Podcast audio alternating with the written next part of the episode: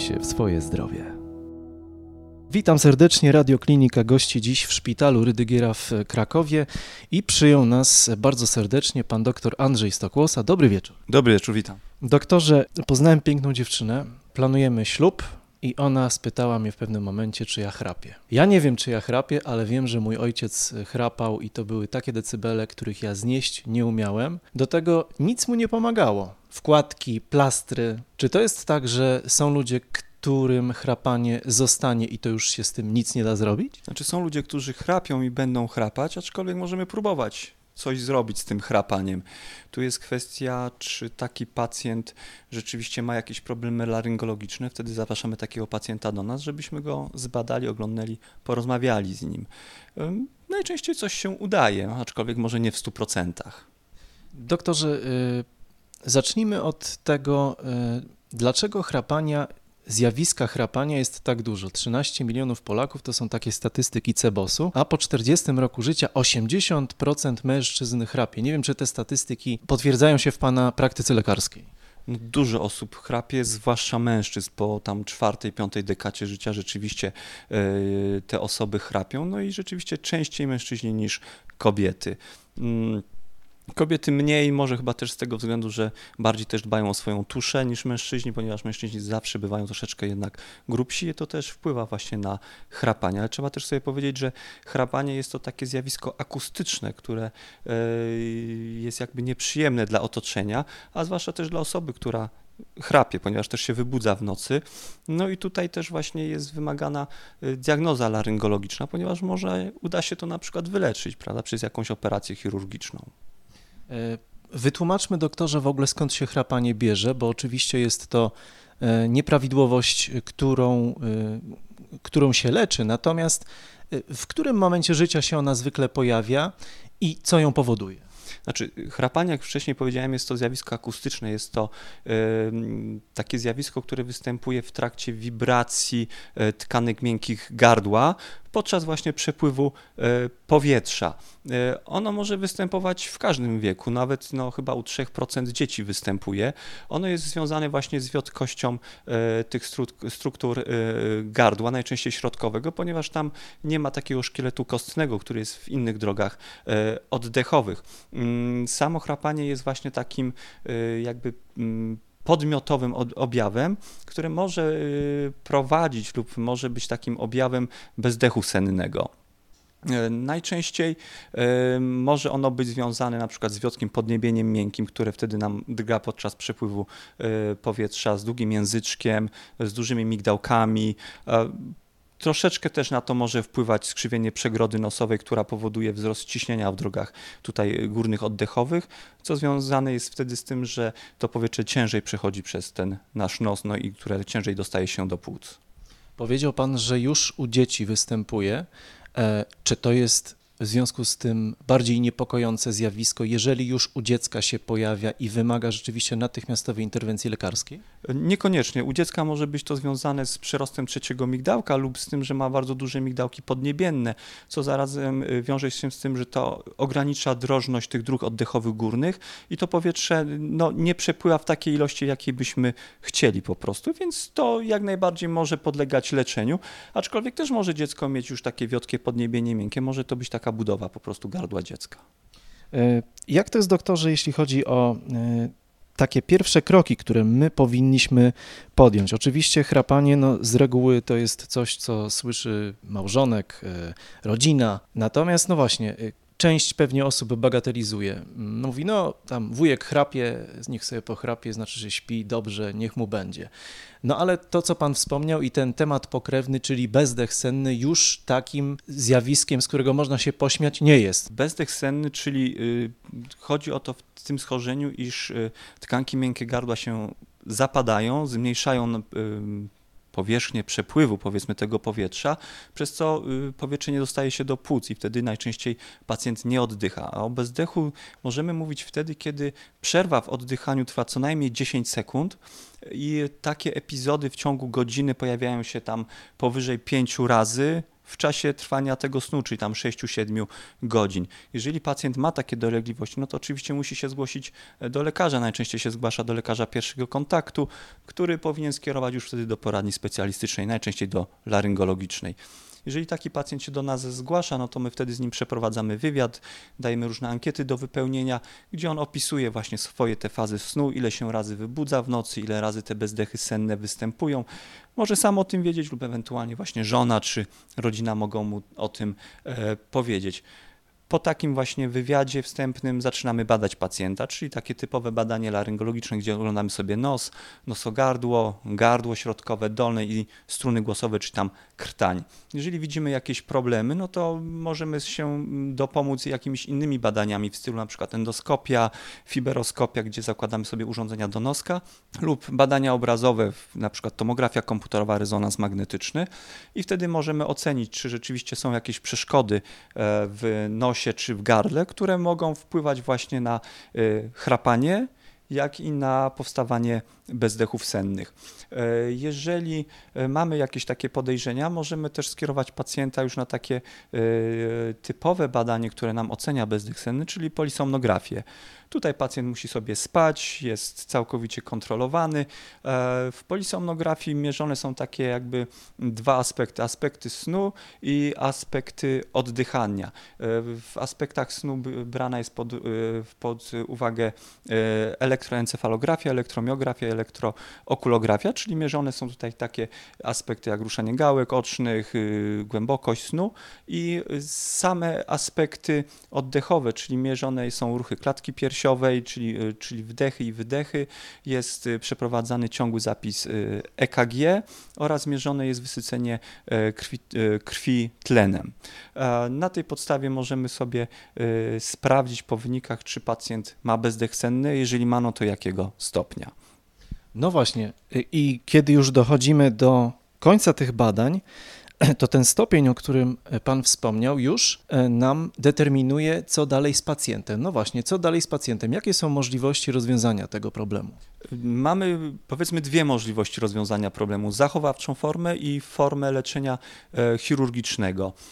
Najczęściej e, staramy się e, zacząć od formy chirurgicznej, oczywiście w momencie, kiedy widzimy przeszkody, czyli właśnie skrzywienie przegrody nosowej, duże migdałki podniebienne, migdałek gardłowy, długi języczek. Mogą też to być zaburzenia w, w samych kościach, czyli na przykład zaburzenia kości szczęk, gdzie na przykład wymagało to tutaj jakiejś cięższej operacji związanej na przykład z chirurgami szczękowtwarzowymi.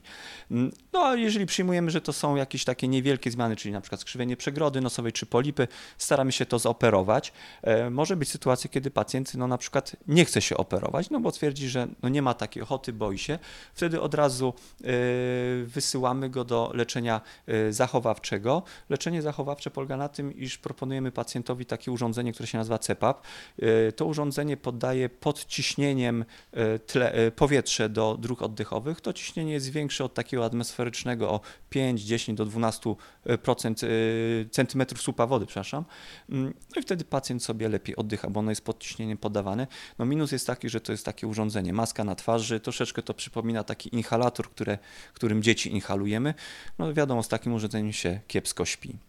Doktorze, do czego zatem e, może prowadzić nieleczone, bagatelizowane chrapanie w tym wypadku mówmy już w połączeniu z bezdechem sennym. Jeżeli zignoruje ten problem, co może się stać? No, takich naj prostszych sytuacji, gdzie pacjent będzie niewyspany, będzie zmęczony, e, koncentrację będzie miał osłabioną, może być rozdrażniony, agresywny, no poprzez takie już choroby cięższe, czyli nadciśnienie tętnicze, nadciśnienie płucne, zaburzenia rytmu serca. E, może też na przykład dochodzić, jeżeli są sytuacje bardzo skrajne u pacjentów, którzy mają duże bezdechy senne i trzeba o tym pamiętać, że jeżeli ten bezdech senny jest bardzo duży i e, saturacja podczas takiego bezdechu sennego spada poniżej 50%, czyli bardzo, bardzo jest niskie utlenowanie, no wtedy wymagane jest zrobienie tracheotomii u takiego pacjenta do czasu znalezienia przyczyny, ewentualnie wyleczenia jakichś takich chirurgicznych problemów u pacjenta.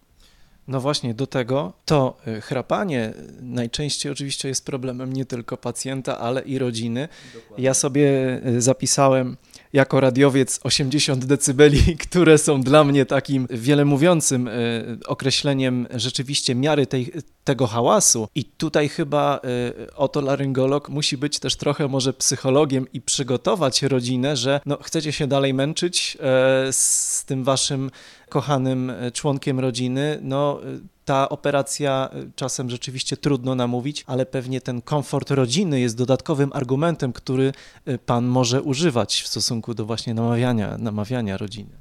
Dokładnie, tak, tak. To jest właśnie dobry argument. Jeszcze a propos takich powikłań chrapania, no to jak tu pan wspomniał, że to jest y, wysokie decybele, no może prowadzić to też do, do urazu akustycznego słuchu, ponieważ jednak są to y, wysokie dźwięki i jednak pacjent może mieć uszczerbek na y, słuchu. Także jak najbardziej jest to następna y, taka sprawa, którą, którą należy rozważyć w aspekcie chrapania. No, rodzina ma duży wpływ na, na pacjenta. No, najczęściej starają się y, namówić, żeby pacjent się zoperował. Y, no, częściej mężczyźni, jak wspomniałem, aczkolwiek jak pytam na przykład mężów, czy żona chrapie, to tak nie do końca się przyznają, chyba strach tutaj przed żonami, ale jak najbardziej no, wszystkim zalecamy, żeby tutaj to kontrolowali. E, doktorze, natomiast oczywistym jest, że zanim udamy się do lekarza pierwszego kontaktu, czy tym bardziej do specjalisty, co już jest wyprawą wiążącą się z poważnymi decyzjami, bo tak dla przyjemności to do specjalisty nie pójdę, tylko po to, żeby rzeczywiście coś z tym zrobić, no to mamy w aptece i nie tylko w aptece mnóstwo różnego rodzaju pomocy, od plastrów przez różne aparaty. No właśnie, jak pan w ogóle ocenia tę całą gamę produktów dostępnych y, bez recepty? Lub też takich y, spotkałem zupełnie jakby no, alternatywnych, medycyny alternatywnej, no, które właśnie mają poradzić sobie z tym naszym problemem chrapania. O, myślę, że gdyby było to takie proste, to by nikt nie chrapał. No niestety to tak nie jest. No jako lekarz, no raczej do takich alternatywnych y, leczeń, no to ja mam negatywny stosunek.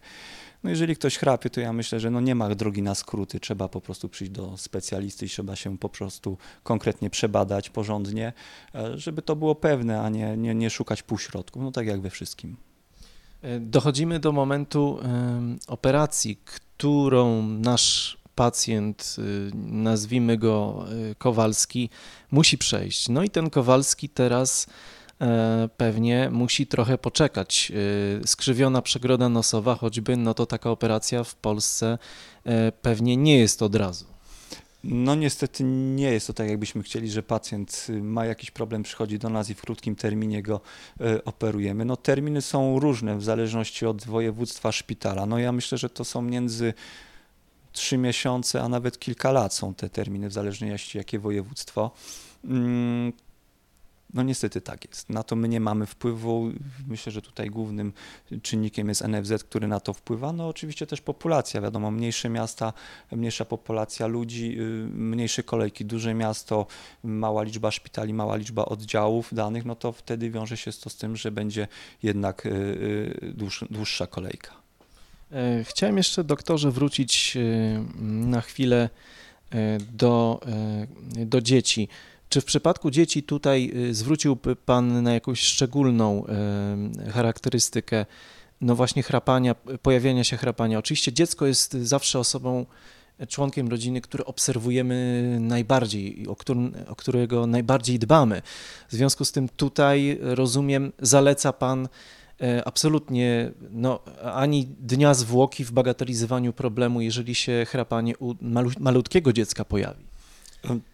To znaczy, najczęściej mamy do czynienia z chrapaniem u dzieci, które mają tak powiedzmy 2,5-3 lata, no, które się takie do nas pojawiają. Rodzice przychodzą, że o, dziecko zaczyna chrapać, chrapie, ma buzię otwartą. No tutaj najczęściej się też dołączają takie jakieś częste infekcje.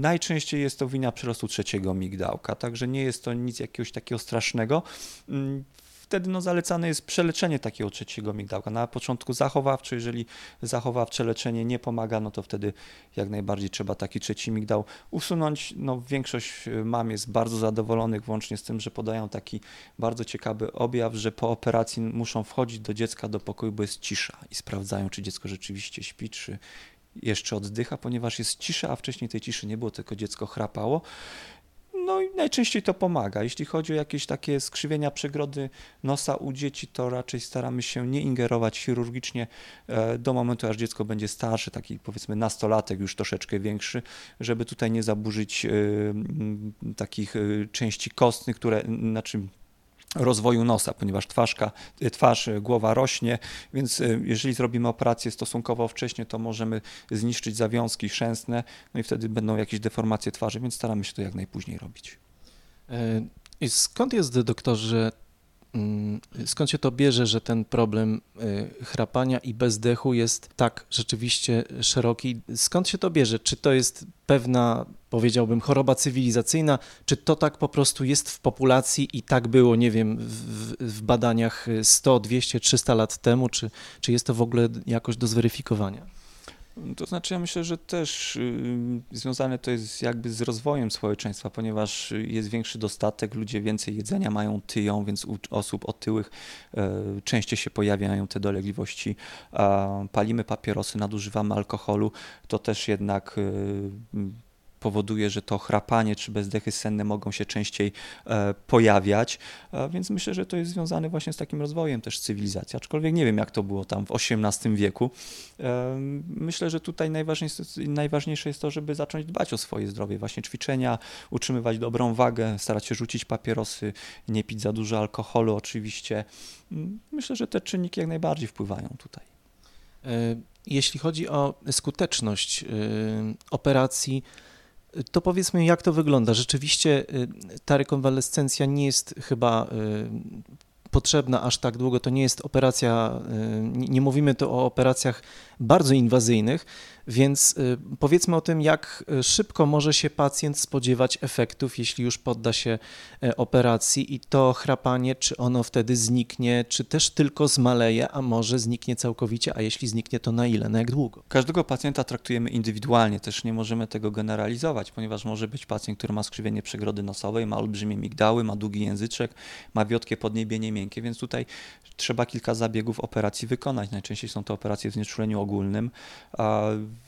więc y, w jakiś sposób tutaj pacjent będzie cierpiał po tej operacji, bo to jest jednak ingerencja w, w ciało, w skórę, w tkanki, w sząstkę. Jeśli chodzi o samą przegrodę nosa, no to tutaj mm, rekonwalescencja nie jest jakaś straszna, długa, no około tygodnia, po tygodniu ściągamy szwy. Tego nie, nie widać, to są wszystko szwy w nosku, nos nie zmienia się z wyglądu, nie ma żadnej blizn, nie ma opuchlizny. No oczywiście pacjent po ściągnięciu szwów musi uważać na ten nos, żeby jakichś urazów nie było. Gorzej niestety jest po usunięciu na przykład migdałków, gdyż y, zostają dwie duże rany, no i tutaj taka rekonwalescencja trwa około trzech, y, trzech tygodni. Mm, są niestety dolegliwości bólowe. Nie mówię po to, żeby straszyć pacjentów, którzy by chcieli na przykład usuwać migdałki, ale żeby byli nastawieni, że to nie jest taka operacja, przyjdę, usunę i wszystko jest y, ok. Jeżeli natomiast chodzi o takie na przykład plastyki podniebienia, to takie operacje można robić w znieczuleniu miejscowym. Są do tego na przykład taka radiochirurgia, takie urządzenia do radiochirurgii, znieczula się miejscowa pacjenta, zabieg trwa 10-15 minut, rekonwalescencja też jest krótka, tam kilka dni do tygodnia, bolesność też nie jakaś bardzo wielka, aczkolwiek no, każdy pacjent reaguje inaczej.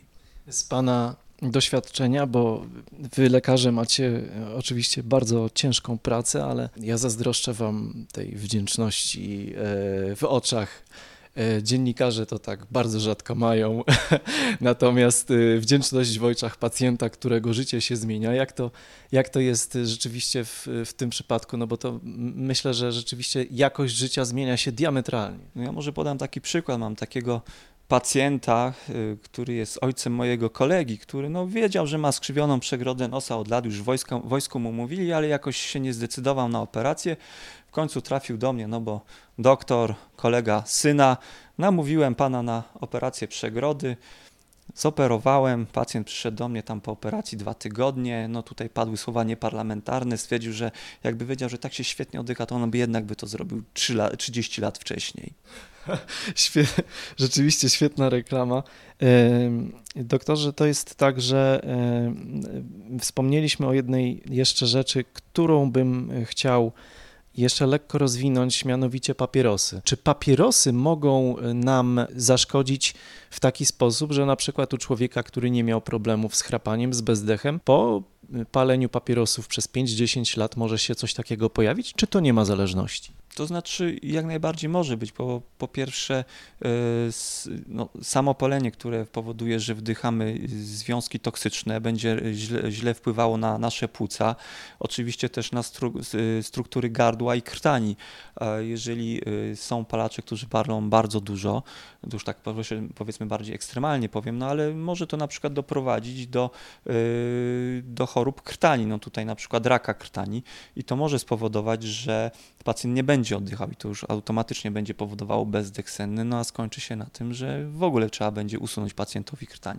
Ale to już są takie ekstremalne sytuacje, ale no w momencie, kiedy y, pacjent pali, no podrażnia cały czas śluzówkę. Ta śluzówka jest podrażniona, wysuszona w gardle, nie działa tak, jak powinna być, nie jest nawilżona, y, jej struktura też się zmienia, zmienia się napięcie, no i to będzie powodowało później zapadanie właśnie ścian gardła, no i co będzie prowadziło do bezdechu.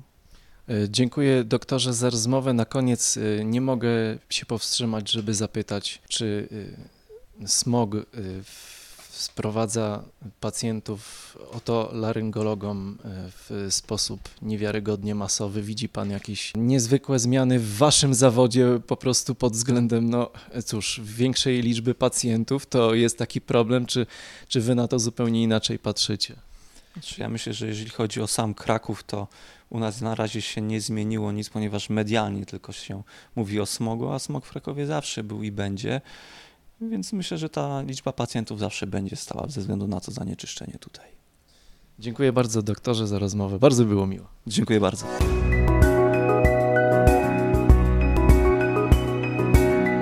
Więcej audycji o zdrowiu na stronie radioklinika.pl oraz w naszej aplikacji mobilnej.